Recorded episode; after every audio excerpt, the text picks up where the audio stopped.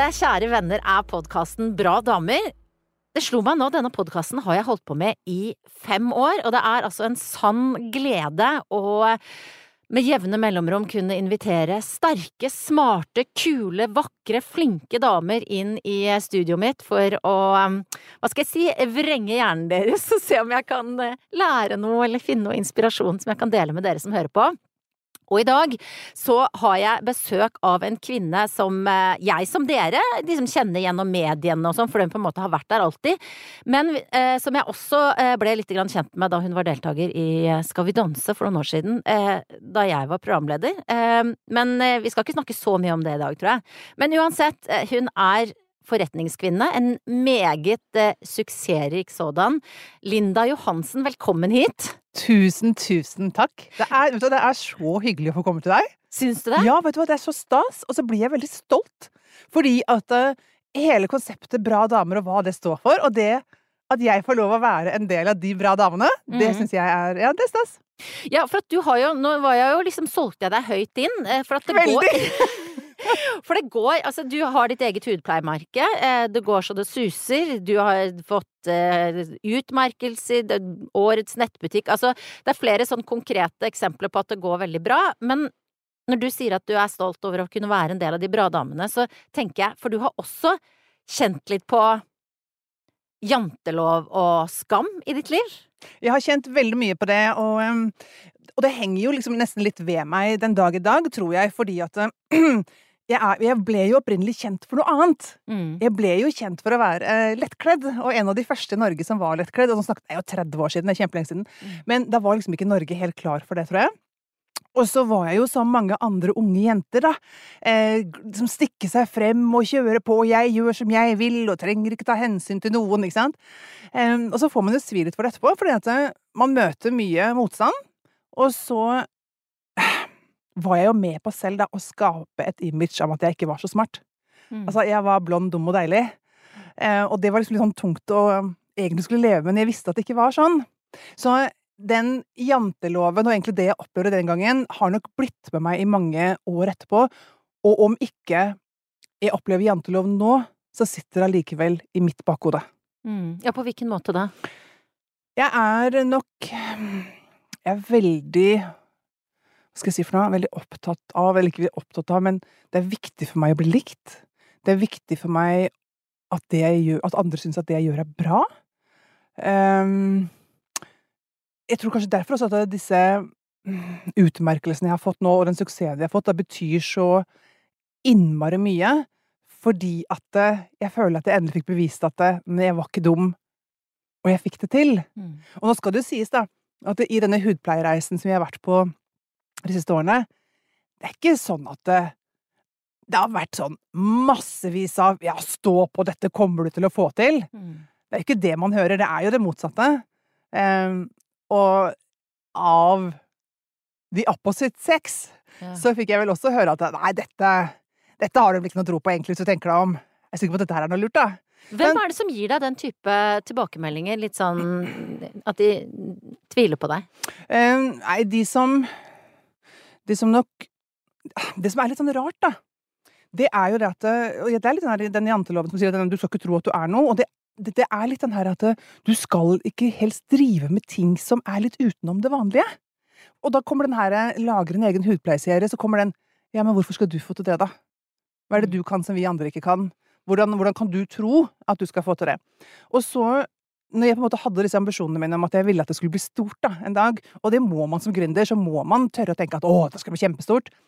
Um, så kom jo da sånn finansfolkene som jeg kanskje da ba om hjelp eller råd, sant? og da kommer de til den Nei, dette, dette, kommer du ikke til å få til. Og jeg tror, jeg tror, kanskje ikke det handler så mye om at jeg er dame. Det handler kanskje med Nei, jo, kanskje litt.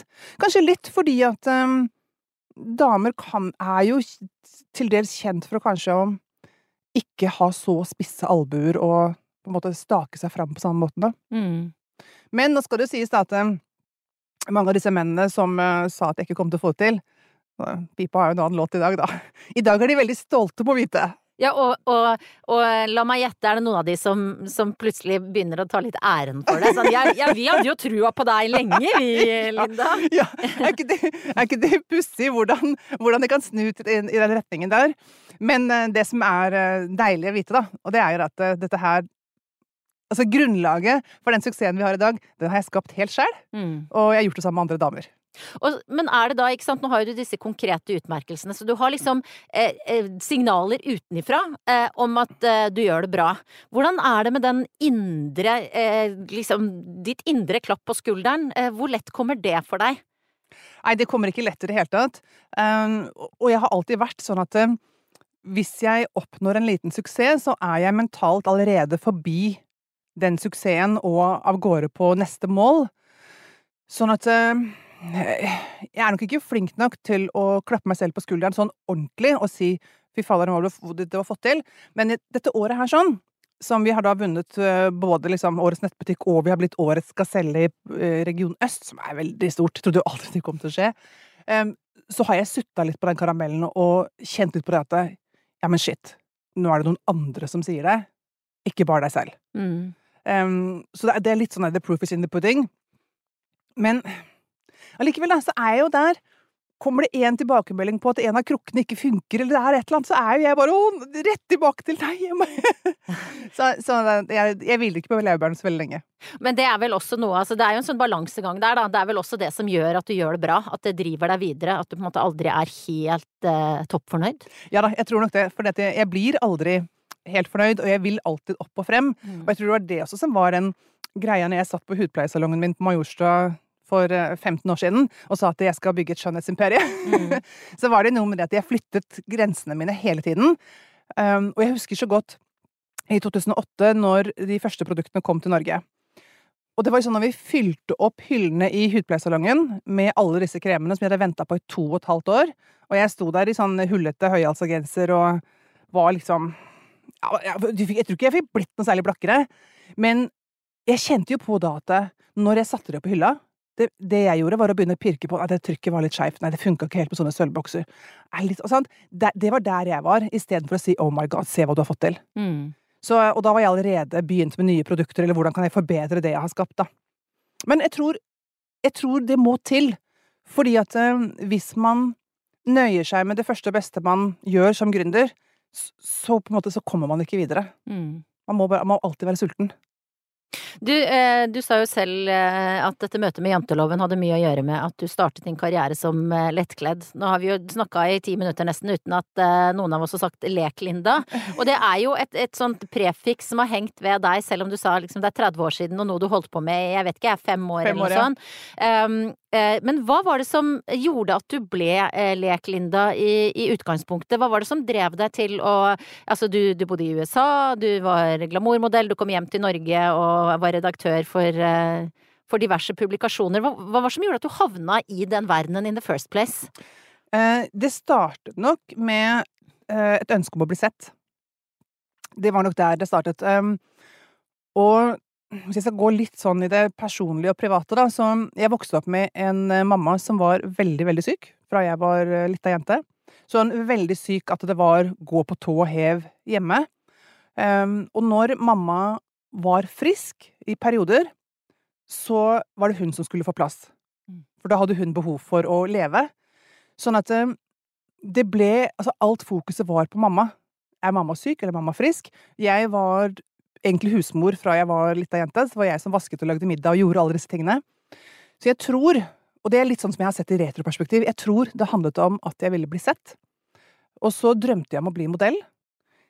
Jeg gikk, ble plukket ut til å gå sånn modellkurs hos Elite, het det da. Og mm. fikk beskjed om at jeg var for tjukk og hadde for stort hode, og passet ikke i det hele tatt. Det, var brutalt, da. ja, det var brutalt.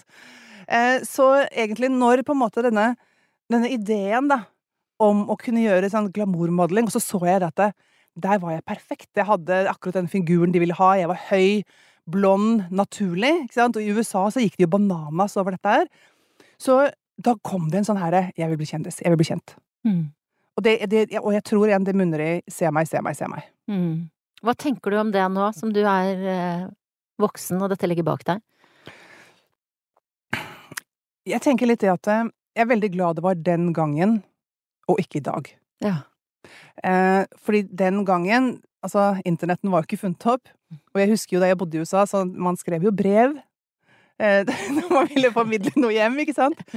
Sånn at eh, det er jo noe med at eh, man, altså både jeg og, og egentlig den bransjen jeg var i, var mer skjerma på en måte. Um, men det, det, som er, vet du, at uh, hadde jeg vært ung i dag, og situasjonen hadde vært lik da, med oppvekst og alt, så hadde jeg nok gjort det samme i dag. Ja. Selv om jeg tenker at for guds skyld, jenter, ikke gjør dette her i dag. altså det er jo, altså, det er jo veldig eh, lett å eh, relatere seg til, for dette behovet om å bli sett er jo helt sånn grunnleggende menneskelig. Eh, og i hvert fall med din historie som du forteller, eh, at du ikke fikk den plassen som du kanskje trengte, da. Eh, det er veldig mange unge også i dag som, som kjenner seg igjen i det, og så får det forskjellig uttrykk. Hva er det du skulle ønske at du hadde gjort annerledes? Um, det jeg skulle Da må jeg faktisk For jeg, jeg ville ikke gjort noe annerledes med valget jeg tok med den glamourmodellveien jeg gikk. Det, det tror jeg ikke. Men jeg tror at hvis jeg på en måte hadde visst bedre da jeg dro til USA, så skulle jeg sørget for å jobbe med noen andre fotografer først, slik at jeg hadde vært helt sikker på at jeg hadde havnet på forsiden på Playboy veldig fort. Så du var ferdig med det, liksom? ja. Nei da, men det, det, er ehm, Nei, jeg kan ikke si at jeg skulle, skulle gjort noe annerledes, fordi at eh, Hadde jeg ikke gjort det eh, sant? Og nå er det en sånn klisjé at det er den som har skapt meg til den jeg er i dag, men det er noe med at hadde jeg ikke gjort det, så er det veldig mange andre muligheter som ikke ville ha dukket opp. Ja.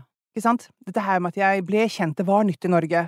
Um, heldigvis, da, så får jeg si, så jeg, har jeg huet på rett plass, slik at jeg klarte å gjøre noe ut av det. Ja. Ikke sant? Og, og, det husker jeg, da mamma sa det til meg også, at det, når jeg først skulle gjøre dette her og, og kaste klærne, så var hun sånn ja, ok, Linda, ok, det er greit, du kan gjøre det, men da må du sørge for at du gjør noe mer ut av det, så ikke du bare blir en som kaster klærne og ferdig med det. Ja. For det kommer du til å angre på. Så det har liksom sittet litt i hodet mitt hele veien, da. Så jeg har i hvert fall brukt det at jeg kasta klærne en gang, det har brukt som en, kall en stepping stone til å få til noe mer.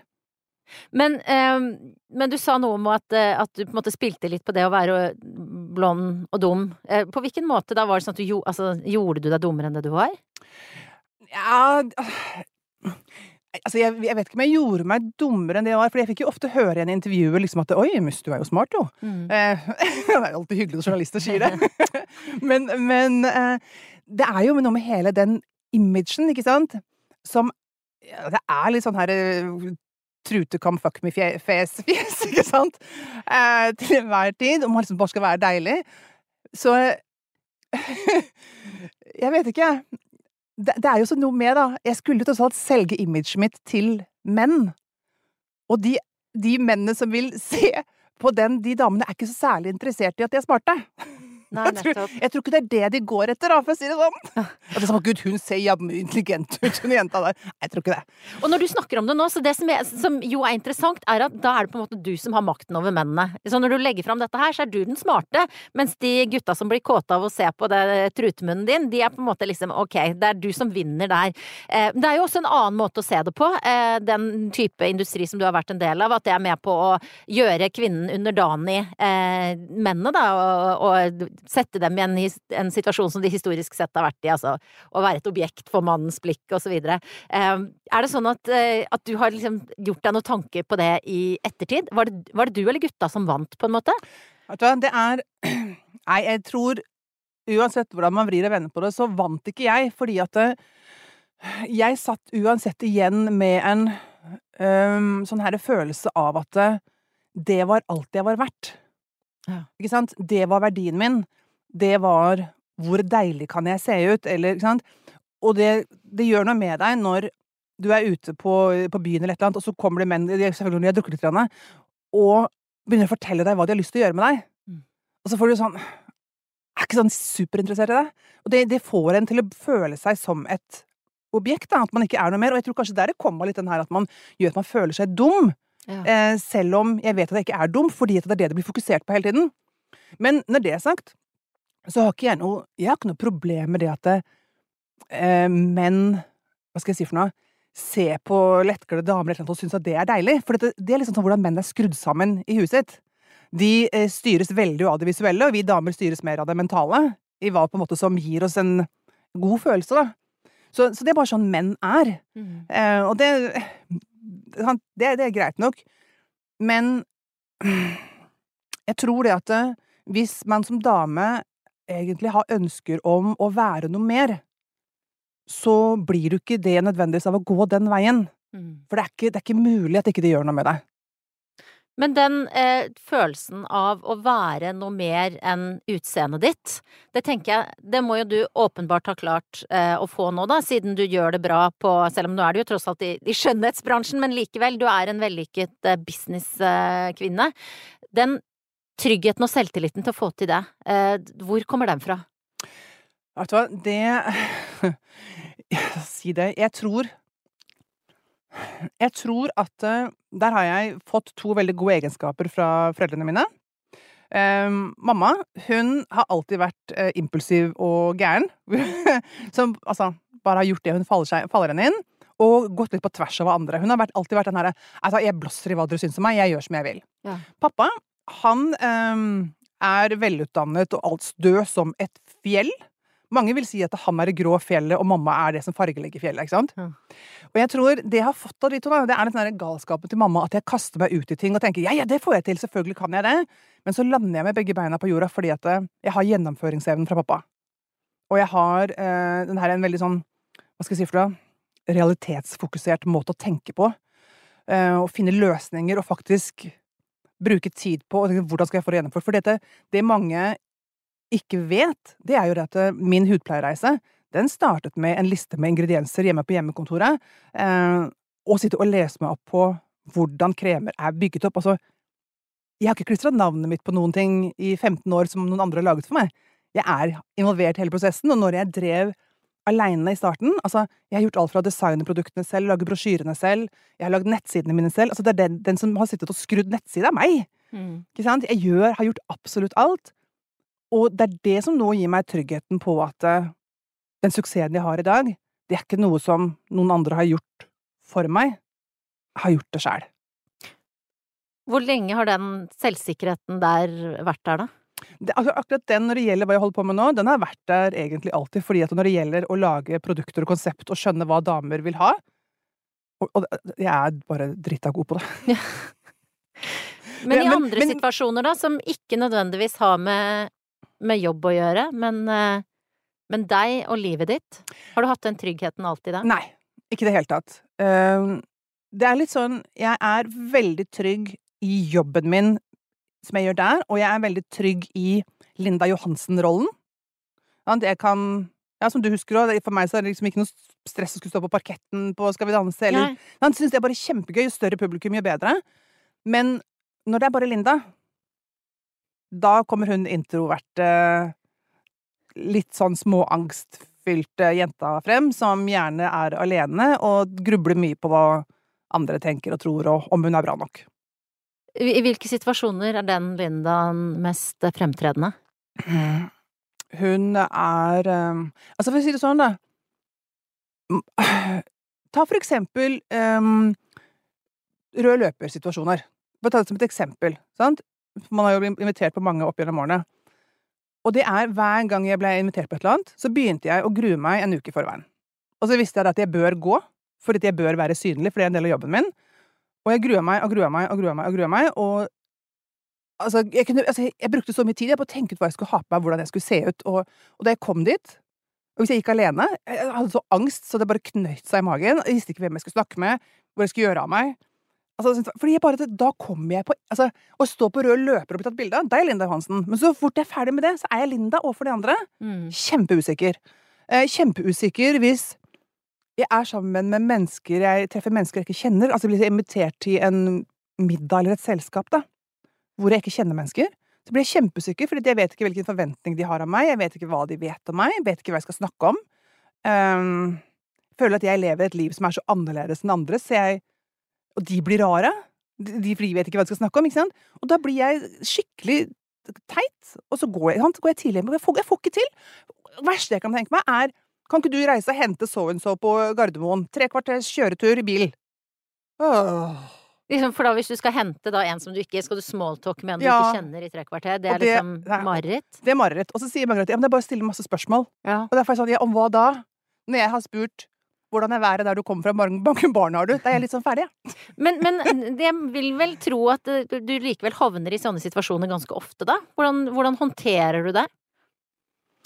Nei, jeg forsøker ehm, jeg, jeg forsøker å stille spørsmål og, og prate, men jeg, vet hva, jeg håndterer det egentlig, syns jeg, er ganske dårlig. Mm. De som er rundt meg, sier at jeg håndterer det bra, men jeg synes jeg, og jeg har en tendens til å unngå situasjonene. Ja. Jeg er eh, jeg, er, ha, jeg har avlyst mye opp gjennom årene. Fordi at det, det blir liksom Jeg syns det blir litt vanskelig. Um, men Nei, men for at det sånn, Og jeg har vært sånn helt siden jeg var lita jente. Så jeg har vært sånn aleneperson. Det Som mamma og pappa sier også. Men du satt alltid på rommet aleine. Du var aleine. Du likte å være aleine, du. ja. Så, så jeg tror også det handler litt om at For pappaen, pappaen min han har alltid vært litt sånn introvert. Han syns det har vært slitsomt med selskaper og all, all sånne ting. Um, og jeg kjenner vel egentlig det at jeg blir mer og mer som han. Så vet du hva, egentlig, det jeg tenker meg om, da Linda Johansen, det er mamma, og Linda, det er pappa. Men likevel, da, ikke sant. Du likte å sitte og putle på rommet ditt og være for deg selv, men du havna jo da i en bransje som, hvor man er ganske synlig, da. Ja, men det er ikke dette er veldig rart? Ja. Altså, egentlig sånn, sånn, nei, sånn intro, introvert, litt sånn småangstfylt alenejente. Sånn, nei, men se på meg, skal bli den første glamourmodellen i Norge! Det, det er jo litt sånn sært. Men ehm, Nei, jeg Det som Det som jeg tror at ehm, jeg har vært eh, Hva skal jeg si for noe? om Flink eller dårlig på opp gjennom årene, og det er litt at jeg Jeg har alltid vært god på å gi meg selv mental juling. Nå trodde du jeg skulle si noe positivt. Ja. Det var ikke det, vet du. Nei. Gi deg selv mental juling. Ja, gi meg- Altså sånn styggen på Ja, ryggen-stemning. styggen på ryggen. Jeg har vært, alltid vært veldig god på det, men samtidig så har jeg på en måte lært meg til å bruke det som en drivkraft. Mm. Sånn at eh, jeg tror jeg kan si at det er litt av den herre For dårlig selvtillit har jeg ikke, det selvbildet som er sånn problemstillingen her. Og jeg tror at litt av det dårlige selvbildet og den her styggen på ryggen har, er egentlig den som hele tiden dytter meg fremover til å få til mer, eller gjøre mer. Mhm. Fordi at jeg, jeg er også hun som, når jeg møter motstand, da, og det er egentlig når ting har vært som vanskeligst, jeg har funnet de beste løsningene, og når jeg møter motstand, og ting går litt sånn til helvete, så er, så er det ned i kjelleren, og så er det litt mørkt og litt grining og litt sånne ting. Men man går ikke ned i kjelleren hvis ikke man har noe å ta med seg opp igjen. Mm. Så da er det opp igjen, da, og så er det ny løsning, og så er det å gønne på. Ja, og ikke bare ned i kjelleren, altså hjem på pikerommet ditt i en alder av 47 år. Eh, skikkelig økonomisk trøbbel, og det var, da gikk ikke businessen så bra. Nei, da, da, da gikk det ikke så bra. Og jeg, for å si det sånn, det er vel den dypeste kjelleren jeg har vært i. Ja. Ja. Hvordan kom du deg gjennom det, Linda? Uff. Eh, vet du hva, det var i forkant av at jeg eh, måtte ta den beslutningen om å flytte hjem, så hadde det vært to, ordentlig tungt i hvert fall et år. Og jeg husker et halvt år før, da var jeg sånn på nippet til at nå orker jeg ikke mer. Mm. Eh, nå har jeg bare lyst til å liksom, forlate alt. Um, ikke det at jeg skulle gjøre ende på ting, men sånn, kan jeg bare stikke av, liksom? Mm. Um, og så kan noen andre rydde opp etter meg. Men det var jo ikke liksom noe tema, det heller. Men da husker jeg at jeg tenkte jo veldig mye på at det, det verste som kan skje, det er om jeg må flytte hjem. Altså, jeg må klare alt, bare ikke jeg må flytte hjem. For det er liksom ikke noe nederlag som er større enn det, da. Og så var det, husker jeg, for det her var sånn før jul, da jeg var sånn at jeg må ikke flytte hjem, og så kan ikke det. Og så var det da liksom ute i mai, midten av mai. Så bare helt plutselig en morgen, for da hadde jeg liksom grinet hver dag, angst i magen, så liksom ingen utvei. Og du, jeg bare kom til et punkt hvor jeg kjente at jeg tror ikke jeg orker mer, nå knekker jeg. Mm. Nå knekker ryggen min. Og da husker jeg bare at jeg satt på, til, på morgenen, jeg sto opp, så bare sendte jeg en melding til pappa og sa at det er litt vanskelig nå. Kan jeg bo hos dere en liten stund? Um, og da husker jeg pappa ringte meg når jeg satt på jobben. Og idet jeg ser at pappa ringer, vet du, så jeg griner ut. Å, jeg griner, å, jeg griner! Men det er jo litt nydelig, da, for da bare slipper du løs den sårbarheten og får være Nesten så du blir liksom den lille jenta igjen, da. Ja, og det Vet du hva, det var innmari deilig. Fordi at, eh, som jeg sa til mamma og pappa også, da, dette Jeg trenger bare at noen tar vare på meg. Eh, og så slipper jeg det, for jeg slipper ansvaret litt. Mm. Og det var det å få slippe ansvaret, og så vite det at eh, uansett hvor gærent det går, så nå er du trygg. Mm. Og det, sant? Jeg hadde på en måte liksom bært hele denne businessen og alle ansatte og alt det bært det på skuldrene mine i så mange år. Og hatt så mye angst, og angst som bygget ut fra redsel om å ikke lykkes, redsel for ikke å ha penger. Altså den redsel der hele tiden. Og så hadde jeg jo ansvaret for de ansattes eh, økonomi, ikke sant. Det er jo et stort ansvar. Og det å aldri ha penger til noen ting. Og jeg tror som voksen Altså hvis du spør hvem som helst vanlig voksen som du møter på gata her ute, så kan, jeg tror ikke de klarer å forestille seg hvordan det er å ha ingen penger tilgjengelig privat. Og så er det noe med at den verden som du ferdes i, også, du hadde salong på Majorstua, ja. det var jo liksom eh, Det var jo ikke kreti og pleti som gikk Altså det er på en måte du om Det er jo et miljø hvor det er folk som har mye penger, da, så jeg føler da den fattigdommen som du kjente trua, den det var vel ikke så mange som kjente den på kroppen der i gården? Nei, og så var det jo heller ingen som kunne innen sin villeste fantasi tro at det var sånn, og jeg måtte jo spille en rolle på en måte alt var liksom nice and dandy. Mm. Og jeg tror det å spille den rollen også, og gå og late som, og skulle overfor ansatte og overfor alle, så skulle sånn alt, alt var bra. Måtte du ljuge? Jeg løy alltid. så vondt. Det var kjempevondt. Um, det var jo det var liksom bare en eller to som visste hvordan det var, som visste det at hvis jeg eh, endte på kafé med noen, så tok hun og betalte for min kaffe, for hun visste at jeg hadde ikke noe kort å betale med. Og den følelsen av at når du Altså, det, det, er en veldig sprø følelse, men, og det gjør sånn veldig mye med, med, selvbildet sitt, og man graver seg jo ned, for det blir sånn nedgående spiral. Mm. For da lever man plutselig veldig inni sitt eget hode, da, med ting som andre ikke vet om. Men det er jo fin den setninga som du da, og det beundrer jeg, klarte å si til pappaen din, i en alder av 47 år, hvor man på en måte er på en måte per definisjon da voksen og liksom i hermetegn skal ta vare på seg selv.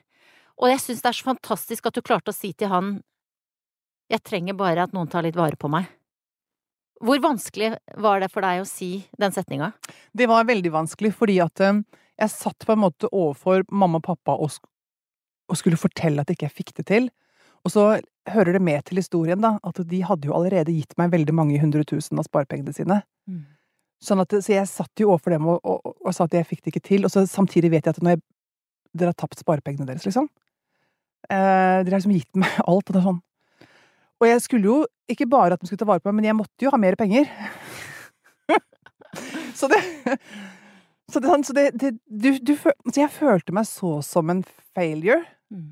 Men jeg husker for dem, da Altså, pappa gråter jo, og mamma gråter jo, og vi gråter jo alle sammen, sant? Men jeg husker for dem som de sa etterpå, at det, det var jo utrolig godt for dem å kunne få lov å hjelpe. Og det var jo godt for dem å vite at de kunne tilby meg den tryggheten. Mm. Og at de kunne hjelpe meg økonomisk nok en gang. Sant? Så vi fikk jo et utrolig nært bånd, mamma, pappa og jeg, som jeg Ja, det er veldig, veldig mange år siden vi har hatt, for det er jo sant, man har jo vært voksen i mange år. Ja.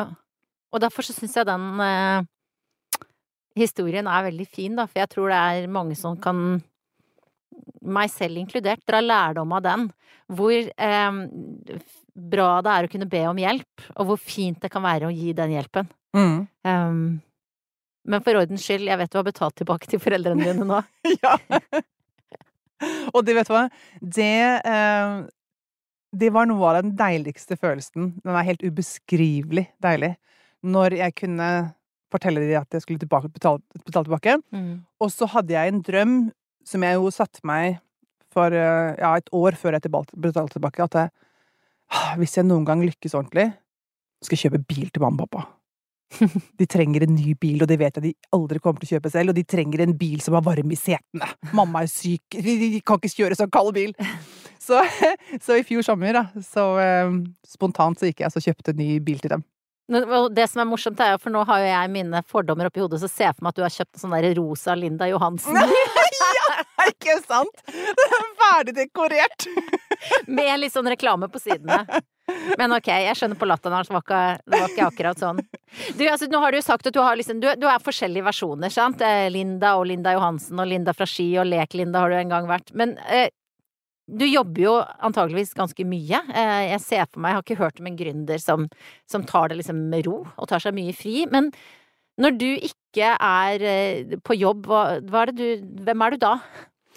Når jeg ikke er på jobb, så er jeg um, egentlig en veldig Hva skal jeg si for noe? Enkeltperson. Da er jeg um, husmor. Så eh, jeg har jo, som jeg sa, jeg har jo vokst opp med å være husmor fra jeg var eh, ganske liten, og lært meg å lage mat fra bunnen og Så eh, da, da, er, da, er, det vasking av klær og laging av middag og rydding og rydding. Jeg har, altså, jeg har støpjern. Og det i kombinasjon med Altså, du har tenåringsbonussønner. Ja.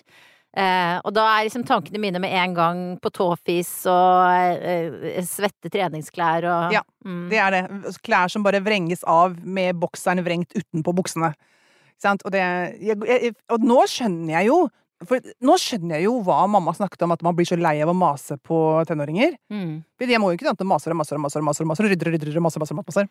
Men uh, Og så er det jo verdens jeg, jeg, har jo med en ting. Ja, ja! ja vi kan gjerne ta den nå. En ja. ting som sier noe om hvem du er, Linda. Hva er det for noe? Det er en fancy pizzahjul. Pizzarulle. Den der var mer fancy enn den jeg har hjemme. Ja, den er, er... Måte, jeg trodde det var en liten eh, lommebok i sølv, jeg. Ja. Nei da, det er Oi, fancy fantastisk. pizzahjul. For den blir hva jeg gjør hjemme. Ja. Jeg lager mye pizza. For det er det gutta vil ha? Det er det gutta vil ha. Og jeg var så dum at jeg lagde hjemmelaget pizza en gang for mange år siden. Og etter det så vil de ikke ha noe annet. Og det er egentlig hvor lite fancy jeg er når jeg er hjemme. Det er hjemmelaget pizza. Jeg er sånn kjøttkakeperson. Kjøttkakeperson, hva annet er det du lærte når, da når du ble husmor i ung alder? Hvilke, var det medisterkaker og hva? Ja, det ja? første jeg lærte å lage, det var brun og hvit saus fra bunnen. Ja. Det var det første. Så jeg var ikke så gammel jente når jeg lagde kjøttkaker for første gang. Fra bunnen, ja. selvsagt. Eh, så nei da, jeg er god på å lage mat. Men jeg er jo da vokst opp i husmannskost. Ja. Så, men det syns gutta er helt topp, for de elsker jo brun og beige mat. Men du, utover det at du, eh, o kvinne av kontraster, Linda, lager pizza og rydder etter disse bonussønnene dine. De er jo tenåringer på vei inn i livet. Um, som bonusmamma, er du da i posisjon til å eh, gi de råd? Ja, jeg, jeg forsøker vel det Mannen min, altså pappaen deres, Tim, mm. han er en mann av litt sånn få ord. Eller når det kommer ord, så kommer ikke budskapet helt frem. Det er mest høy stemme. Okay. og, det, og, og, det, da med tenåringsgutter, det funker ikke sånn kjempebra. Så jeg er nok den som kan klare å forklare hva pappa egentlig mener. Ah. Eh, slik at de skal kunne forstå. Så jeg forsøker eh, Jeg tror jeg er litt bedre på han enn å sette, inn, å sette meg inn i hvordan en tenåring tenker. Eh, og det er klart at det er noen utfordringer, men de, de skal jo gjerne pushe grenser, disse gutta. Så jeg gir de en del gode råd i forhold til å prøve å forstå hvordan verden ser dem hvis de gjør sånn og slik, hva de får igjen for ting når de blir eldre. Og så har jeg én ting jeg er veldig opptatt av, og det er at de skal være snille med jentene. Mm. Vi orker ikke å ha sånne tenåringsgutter som ikke er snille med jentene. Det orker vi ikke. Har du selv opplevelser um... Mer enn nok av dem. Ja. vi har jo vært inne på noen karer som, har, som, du har møtt på byen, og den type kommentarer som jeg ser for meg at du Og opplevelser som du har hatt. Eh, er det sånn I hvor stor grad preger det deg nå, og forholdet ditt til, eh, til, deg selv, din egen kropp, din egen seksualitet. Det at du på en måte har vært up for grabs, da, på en ja. måte. Jeg har et eh, Og nå er jeg sant, veldig ærlig. Jeg har et ekstremt anstrengt forhold til min egen kropp. Ekstremt anstrengt. Uh, og det er fordi at uh, jeg har blitt målt ut fra kroppen min i, eller ble det i så mange år. Mm. Um, og så følte jeg jo da at jeg på en måte nå, og gjør det vel fortsatt, jeg skal leve opp til noe. At jeg egentlig helst bør være som jeg var. Og det vet jo, det sitter jo kun i mitt hode. Men jeg stiller enorme krav til hvordan jeg bør se ut. Og det er klart, nå er jeg eh, i overgangsalderen. Sant? Da er jeg da 53 år, og da skjer det jo veldig mye med kvinnekroppen veldig fort. Og det sliter jeg med å takle. Jeg sliter å takle med at eh, det skjer endringer som jeg overhodet ikke har kontroll over. Mm. Hvem er det du ser for deg skal bli skuffet over det? Jeg har sånne tullete tanker som at eh, hvis jeg blir for gammel, så kanskje mannen vil bytte meg ut. Men samtidig, da, så når fornuften tenker, så tenker jeg sånn Ja, Ja, men altså har, ja, men ta en titt i speilet, han òg, liksom. men så, jeg, jeg, fornuften min sier jo noe annet. Mm. Det er hun derre styggen på ryggen som eh, vi har eh, Vi har mange samtaler når vi er inne på på badet aleine, altså. Mm. Og da, da sammen så studerer vi i detalj. Vi er veldig gode på det. Vi studerer lår og mye. Mm. Følger med på alt som skjer. Og jeg, hadde, og jeg hadde senest en opplevelse her jeg var hos tannlegen de forrige dagen. For nå er jeg der at jeg skal Altså, jeg opplever da alt som skjer med en kvinne i overgangsalderen. Og det er jo ingenting moro. Altså, det er øh, Hvor gammel er du? Jeg er 44. Ja, sant? Så du, du skal Jeg venter i spenning. Ja, Mm. dropp spenninga. Fordi at du har kommet der nå hvor det begynner å skje småting som er liksom den derre prefasen, ikke sant? Mm. Ting som du ikke helt vet hva er, men det er bare ting som er annerledes. Det er jeg ferdig med. Jeg er jo kommet der hvor det liksom det bare virkelig skjer, hvor man får vite at nå er jeg plutselig hjerteinfarkt. En veldig, altså jeg er i risikosonen for det. Og muskelmassen. Sant? Den halveres raskt. Det er mange sånne her ting hele tiden. Og så er det en liten ting, da. som jeg var hos tannlegen. Og så sier hun ja, og så sier jeg du har jo fått sånn, noe sånn benutvekst i munnen. Jeg bare sånn hæ? Er det en ting Ja, jeg, jeg, jeg, jeg bare sånn hæ? Så kaller hun et eller annet, jeg husker ikke hva det heter. Ja, nei, det har begynt å vokse ut. Så sier de ja, ja det, det er vanlig hos eldre kvinner. Og jeg var sånn Eldre kvinner? Er Jeg, jeg er en eldre kvinne. Og så sier hun ja, men det kan fjernes hvis det blir plagsomt å spise. Hæ?! Skal det bli plagsomt å spise?! Så det må jo jeg hjem og titte i speilet, da. Ja. Det, det er jo ting Det endrer seg inni munnen! Det er, det, altså, jeg ser jo det. Det er noe som har vokst ut inni der. Det er jo bitte lite grann fascinerende også. Eller er det bare kjipt, syns du? Jeg mis...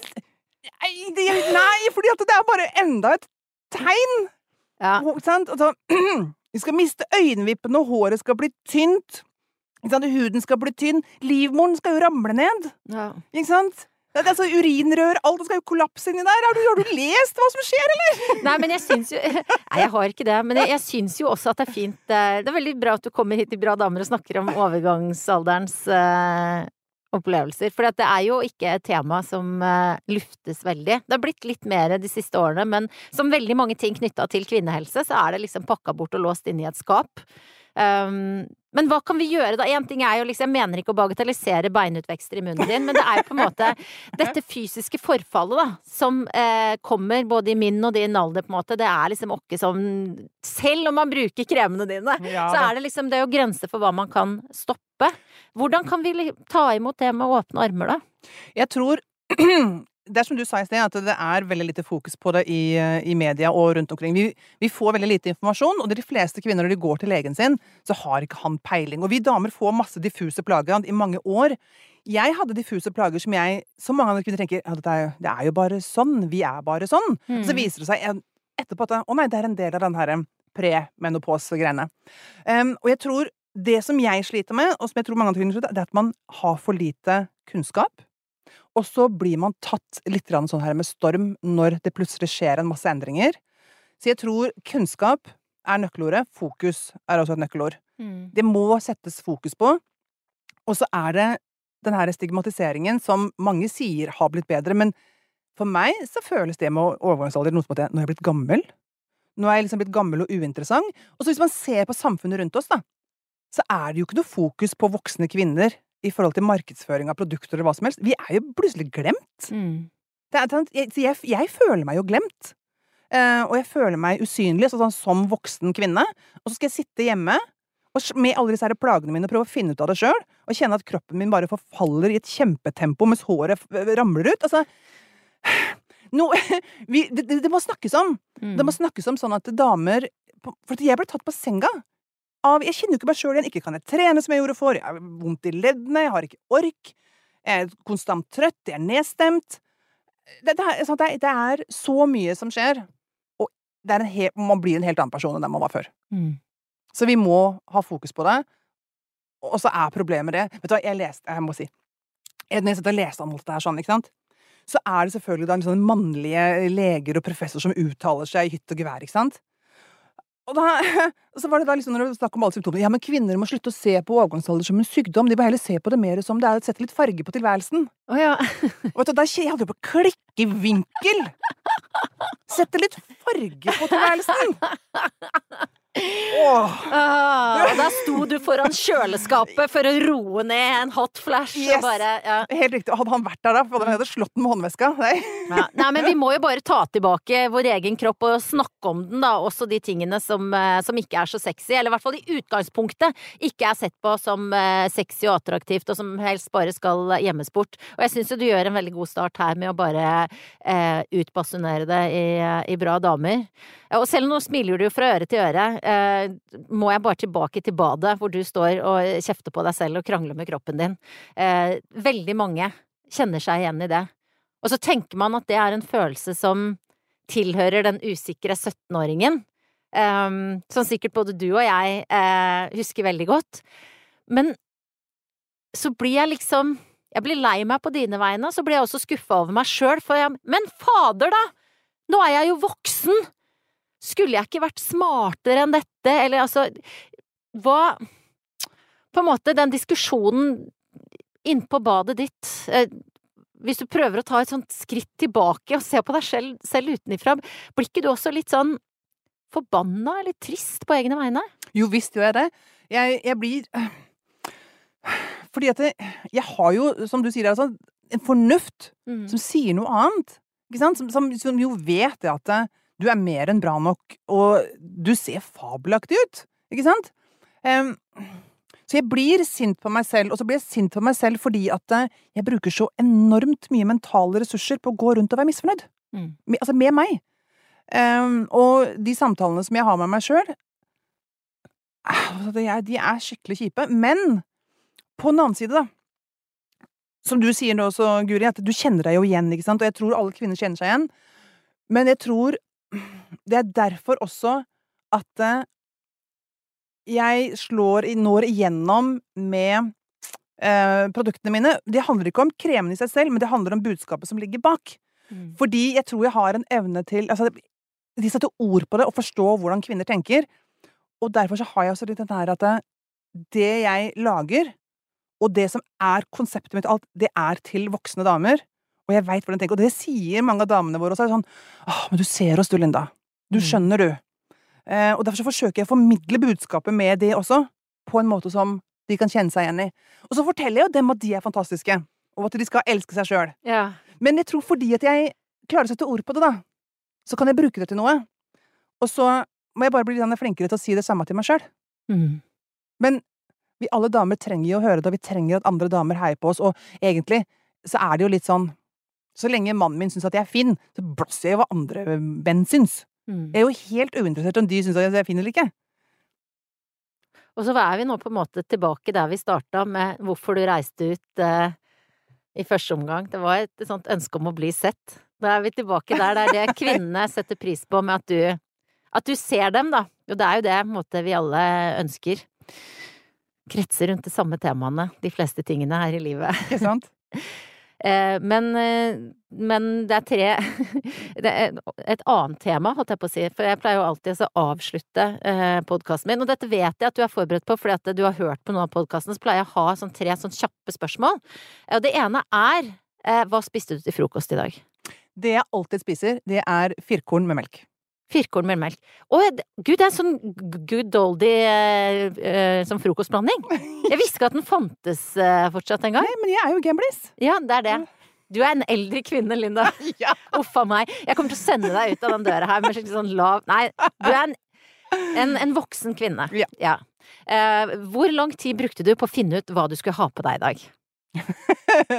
Nei, vet du, i dag gikk det ganske fort. Jeg tror jeg brukte ca. Eh, fem minutter. Mm. Du har en nydelig eh, bluse som altså hvis jeg skulle liksom dratt eh, linjer til noen eh, designere eh, som eh, er liksom Pucci-look på den eh, nydelige blusen din.